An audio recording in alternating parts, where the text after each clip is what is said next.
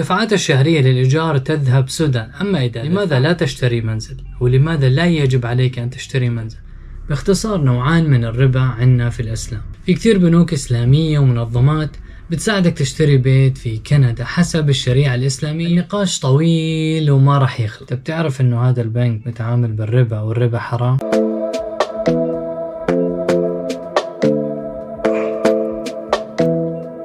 اشتري منزل.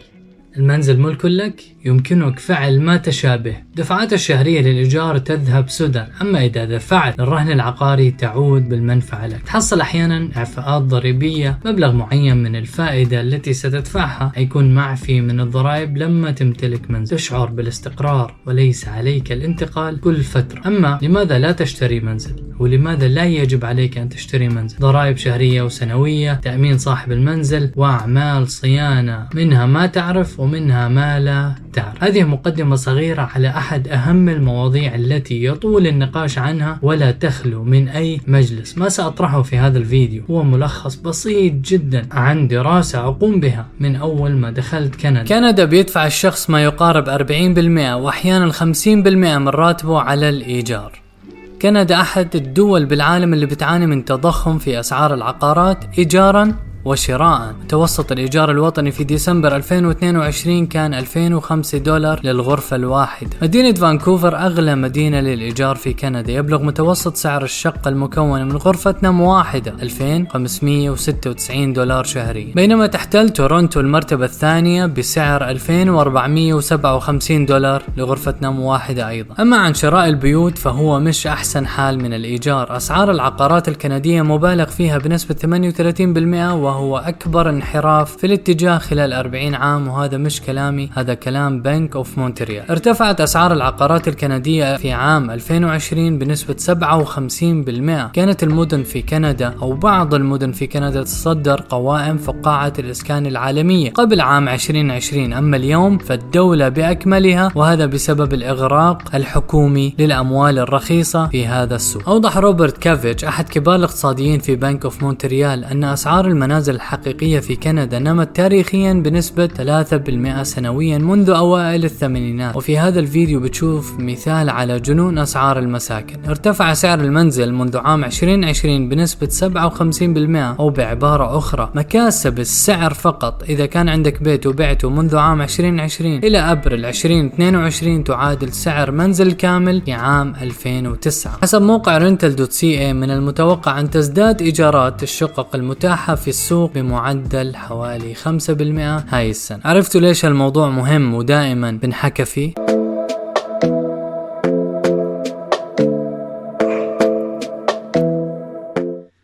خلاف دائم بين مؤيدي امتلاك منزل ومن يفضلون استئجار. فعندما يتم استئجار منزل لفترة طويلة يصبح الأمر إهدار للمال. بينما لو امتلك الشخص منزل فهو يمثل له أصل قيم يمكن تحويله إلى استثمار طويل المدى. ومع ذلك يرى المليونير العصامي كريس راين الذي تقاعد في سن السابعة والثلاثين من عمره أن شراء منزل كان أسوأ قرار مالي اتخذه في حياته وأنه في هذه المبالغ وهذه الأوقات ربما لاستفاد في استثمار أكبر أو عائدا أكبر كالأسهم وغيرها. هناك حقيقة واحد هناك حقيقة واضحة بأن امتلاك منزل يعني الاستقرار في الحياة العملية والأسرية كما أنه استثمار طويل الأجل وبالتالي يجب التأني ودراسة قرار الشراء جيدا قبل تنفيذه مع حساب أي مخاطر استثمارية محتملة. عمرك رحت على بروكر؟ تبع عقارات. بعد ما شرح لك على البيت وفرجاك إياه والورق المطلوب وشو راح نعمل وكم المدة الزمنية لنوقع العقد حكالك بس دقيقة عفوا في نقطة ما شرحت لك إياها. أنت بتعرف إنه هذا البنك متعامل بالربا والربا حرام؟ شو هو الربا في الإسلام؟ وهل في شركة بكندا أو بنك أو منظمة ممكن تعطيك بيت على حسب أو مثل ما الشريعة الإسلامية بتحكي؟ تحريم الربا من أبرز مرتكزات العمل المصرفي الإسلامي ورغم أهمية الفائدة في هذا الاقتصاد إلا أن النظام الإسلامي يتجاوزها ويضع البدائل إن وجدت باختصار نوعان من الربا عندنا في الإسلام. ربا النسيئة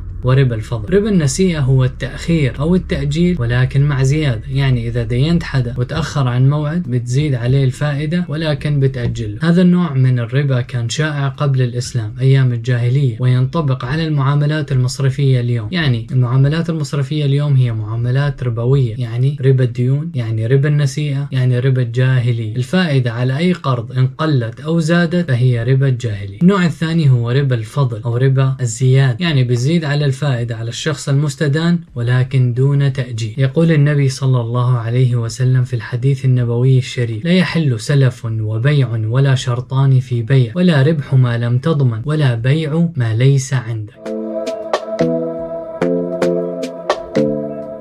في كثير بنوك إسلامية ومنظمات بتساعدك تشتري بيت في كندا حسب الشريعة الإسلامية أو زي ما هم بدعوا مثل إقراض منزل قرطبة أنصار هاوسينج وأمانة.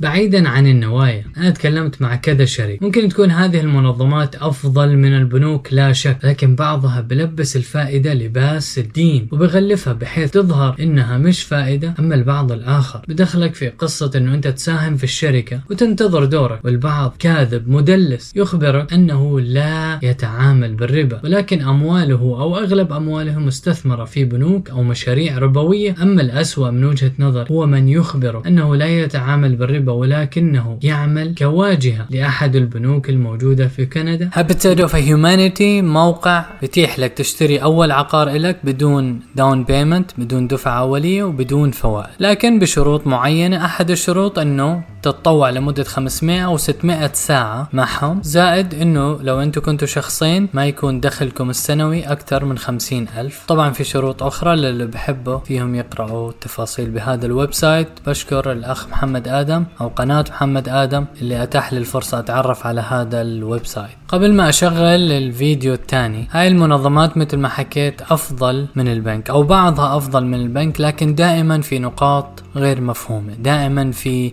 ضبابية. يعني مثلا بالشركة القادمة اللي اسمها قرطبة الأمور تمام وهي عبارة عن جمعية مساهمة أنه أنت بتشتري أسهم في هذه الشركة وهم بيدفعوا لك أرباح أو بيعملوا لك توزيعات ربحية كل ثلاث شهور إلى أن توصل مبلغ ستين ألف. لما توصل مبلغ ستين ألف تدخل في شيء اسمه waiting list list طويل تنتظر. لما يجي دورك بيبعتوا لك رسالة إنه الآن حضر مبلغ ال down payment اللي هي الدفعة الأولية ال ألف دولار مثلا وتعال روح دور على بيت وابعت لنا إياه ونبعت لك الموافق. الضبابية في هذا الموضوع إنه جمعية المساهمة هذه ماذا لو أفلست؟ ماذا لو صاحب الأموال اللي البيوت باسمه أفلس وأجت البنوك أو الدولة حطت إيدها على هذه ال assets أو الأصول؟ لهذا الفيديو بيجاوب الشخص إنه لا إحنا ما بنفلس والإفلاس معنى إنه هو يكون عندك ديون غير قابلة للسداد. نعم لكن دائما في ظروف الواحد بحب يفهمها. إذا أنتوا اضطريتوا إنه تفلسوا. إذا صاحب الفلوس صاحب الشركة عفوا ترك البلد وسافر شو بصير بال members أو بالأعضاء؟ السؤال الثاني اللي ما فهمت جوابه إنه إذا تأخرت أنا بدفع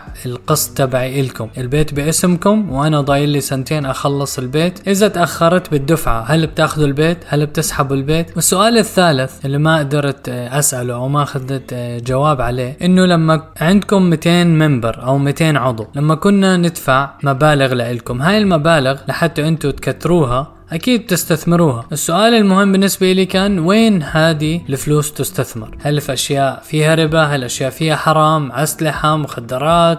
ما توصلت لها وما عرفت جواب عشان هيك برجع بكرر هذه المنظمات في منها أكيد أحسن من البنوك لكن دائما فيها نقاط مبهمة. كيف العضو يكون مؤهل سكن منزل.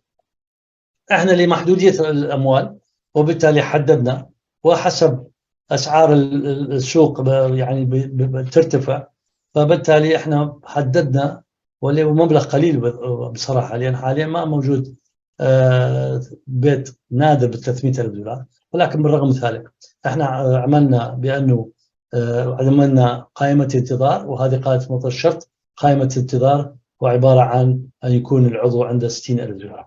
فأي واحد يدخل في أول يوم 60 ألف دولار يدخل أوتوماتيكما يدخل في قائمة انتظار وإذا جمعها بخمس سنين أيضا بعد خمس سنين يدخل في قائمة انتظار فكل من لم يملك 60 ألف دولار مبالغ أو مع آر إس بي آر إس بي طبعا لزوج واحد يحسب وليس زوجين للدخول في الاستطاعه فإذا واحد عنده 35 ألف دولار وزوجته عندها 35 ألف دولار ففقط 35 ألف دولار الواحد منهم زائد ال 25 يكون 60 ألف وبالتالي هذا ال 60 ألف يأهله أن يكون يدخل قائمة الانتظار وال 35 ثانية يستخدم لشراء المنزل كيف هذا؟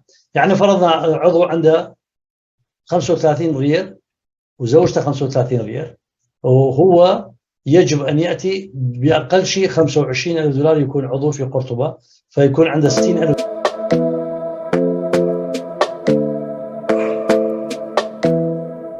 إذا كان حرام خطيت برقبة الشيخ. يا حبيبي أنا سمعت الشيخ عثمان الخميس بحكي إنه ممكن الواحد يأخذ قرض إذا كان مضطر.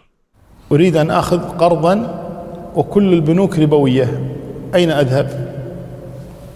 والله هذه مصيبة فعلا يعني بعض الناس يكون محتاجا والبنوك خلينا نقول التي تتعامل طبق الشريعة الإسلامية أو قريبا من ذلك لا تعطي هذه القروض والبنوك الربوية تفتح أبوابها على مصراعيها.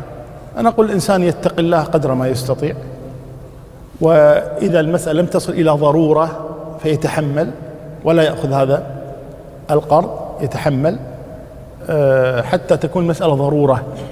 أولا لا تدخل نفسك في مسألة القرض إلا إذا إن لم تأخذ هذا القرض سوف تموت جوعا أو سوف تدخل السجن ولك أولاد في رقبتك دون سن البلوغ ولا يستطيعون العمل أو الاكتساب أو لك أم تنفق عليها. خلاص انت ضلك ادفع إيجار وإحنا بنشتري. طيب ما أنت حكيت إنه في شركات ممكن خليك تشتري بيوت بدون ربا. النقاش طويل وما راح يخلص. النظام الاقتصادي اليوم مبني كله على الربا. يعني الراتب اللي بيجيك بمر بشكل أو بآخر من على البنك المركزي اللي هو بيتعامل بالربا. يعني إحنا أو انت في زمن كثير صعب. يقول النبي صلى الله عليه وسلم في الحديث الشريف عن أبي هريرة رضي الله عنه أن النبي صلى الله عليه وسلم قال ليأتين على الناس زمان لا يبقى أحد إلا أكل الربا فإن لم يأكل أصابه من غباره يعني باختصار الكل نفسه يشتري بيت بس كم ضايل لنعيش بهاي الدنيا؟ 20 سنة 30 سنة 40 سنة؟ هل حتبدل آخرتك بهدول السنين القلال القرض العقاري بكندا مدته تقريبا تتراوح من 20 ل 30 سنة وأحيانا أكثر. يعني أنت مجبر مجبر تشتغل كل عمرك. ركز على كلمة مجبر. اليوم بنشوف عالم منتهية تعبانة وما زالت بتشتغل. من أول ما تشوفها إذا تجرأت تسألها زي ما أنا سويت أحيانا تعرف إن الجواب حيكون أنا بشتغل أو مجبر إنه أنا أشتغل لأنه أنا عندي قرض. فكر خطط خذ فتوى أي شيخ بدك إياه. بس تذكر إنه في وقفة أو وقفة قدام رب العالمين راح توقفها. لحالك. بدون الشيء اللي فتال جهز شو راح تحكي لهذا اليوم بس تذكر هاي الآية. بسم الله الرحمن الرحيم. يا أيها الذين آمنوا اتقوا الله وذروا ما بقي من الربا. إن كنتم مؤمنين فإن لم تفعلوا فأذنوا بحرب من الله ورسوله. صدق الله العظيم.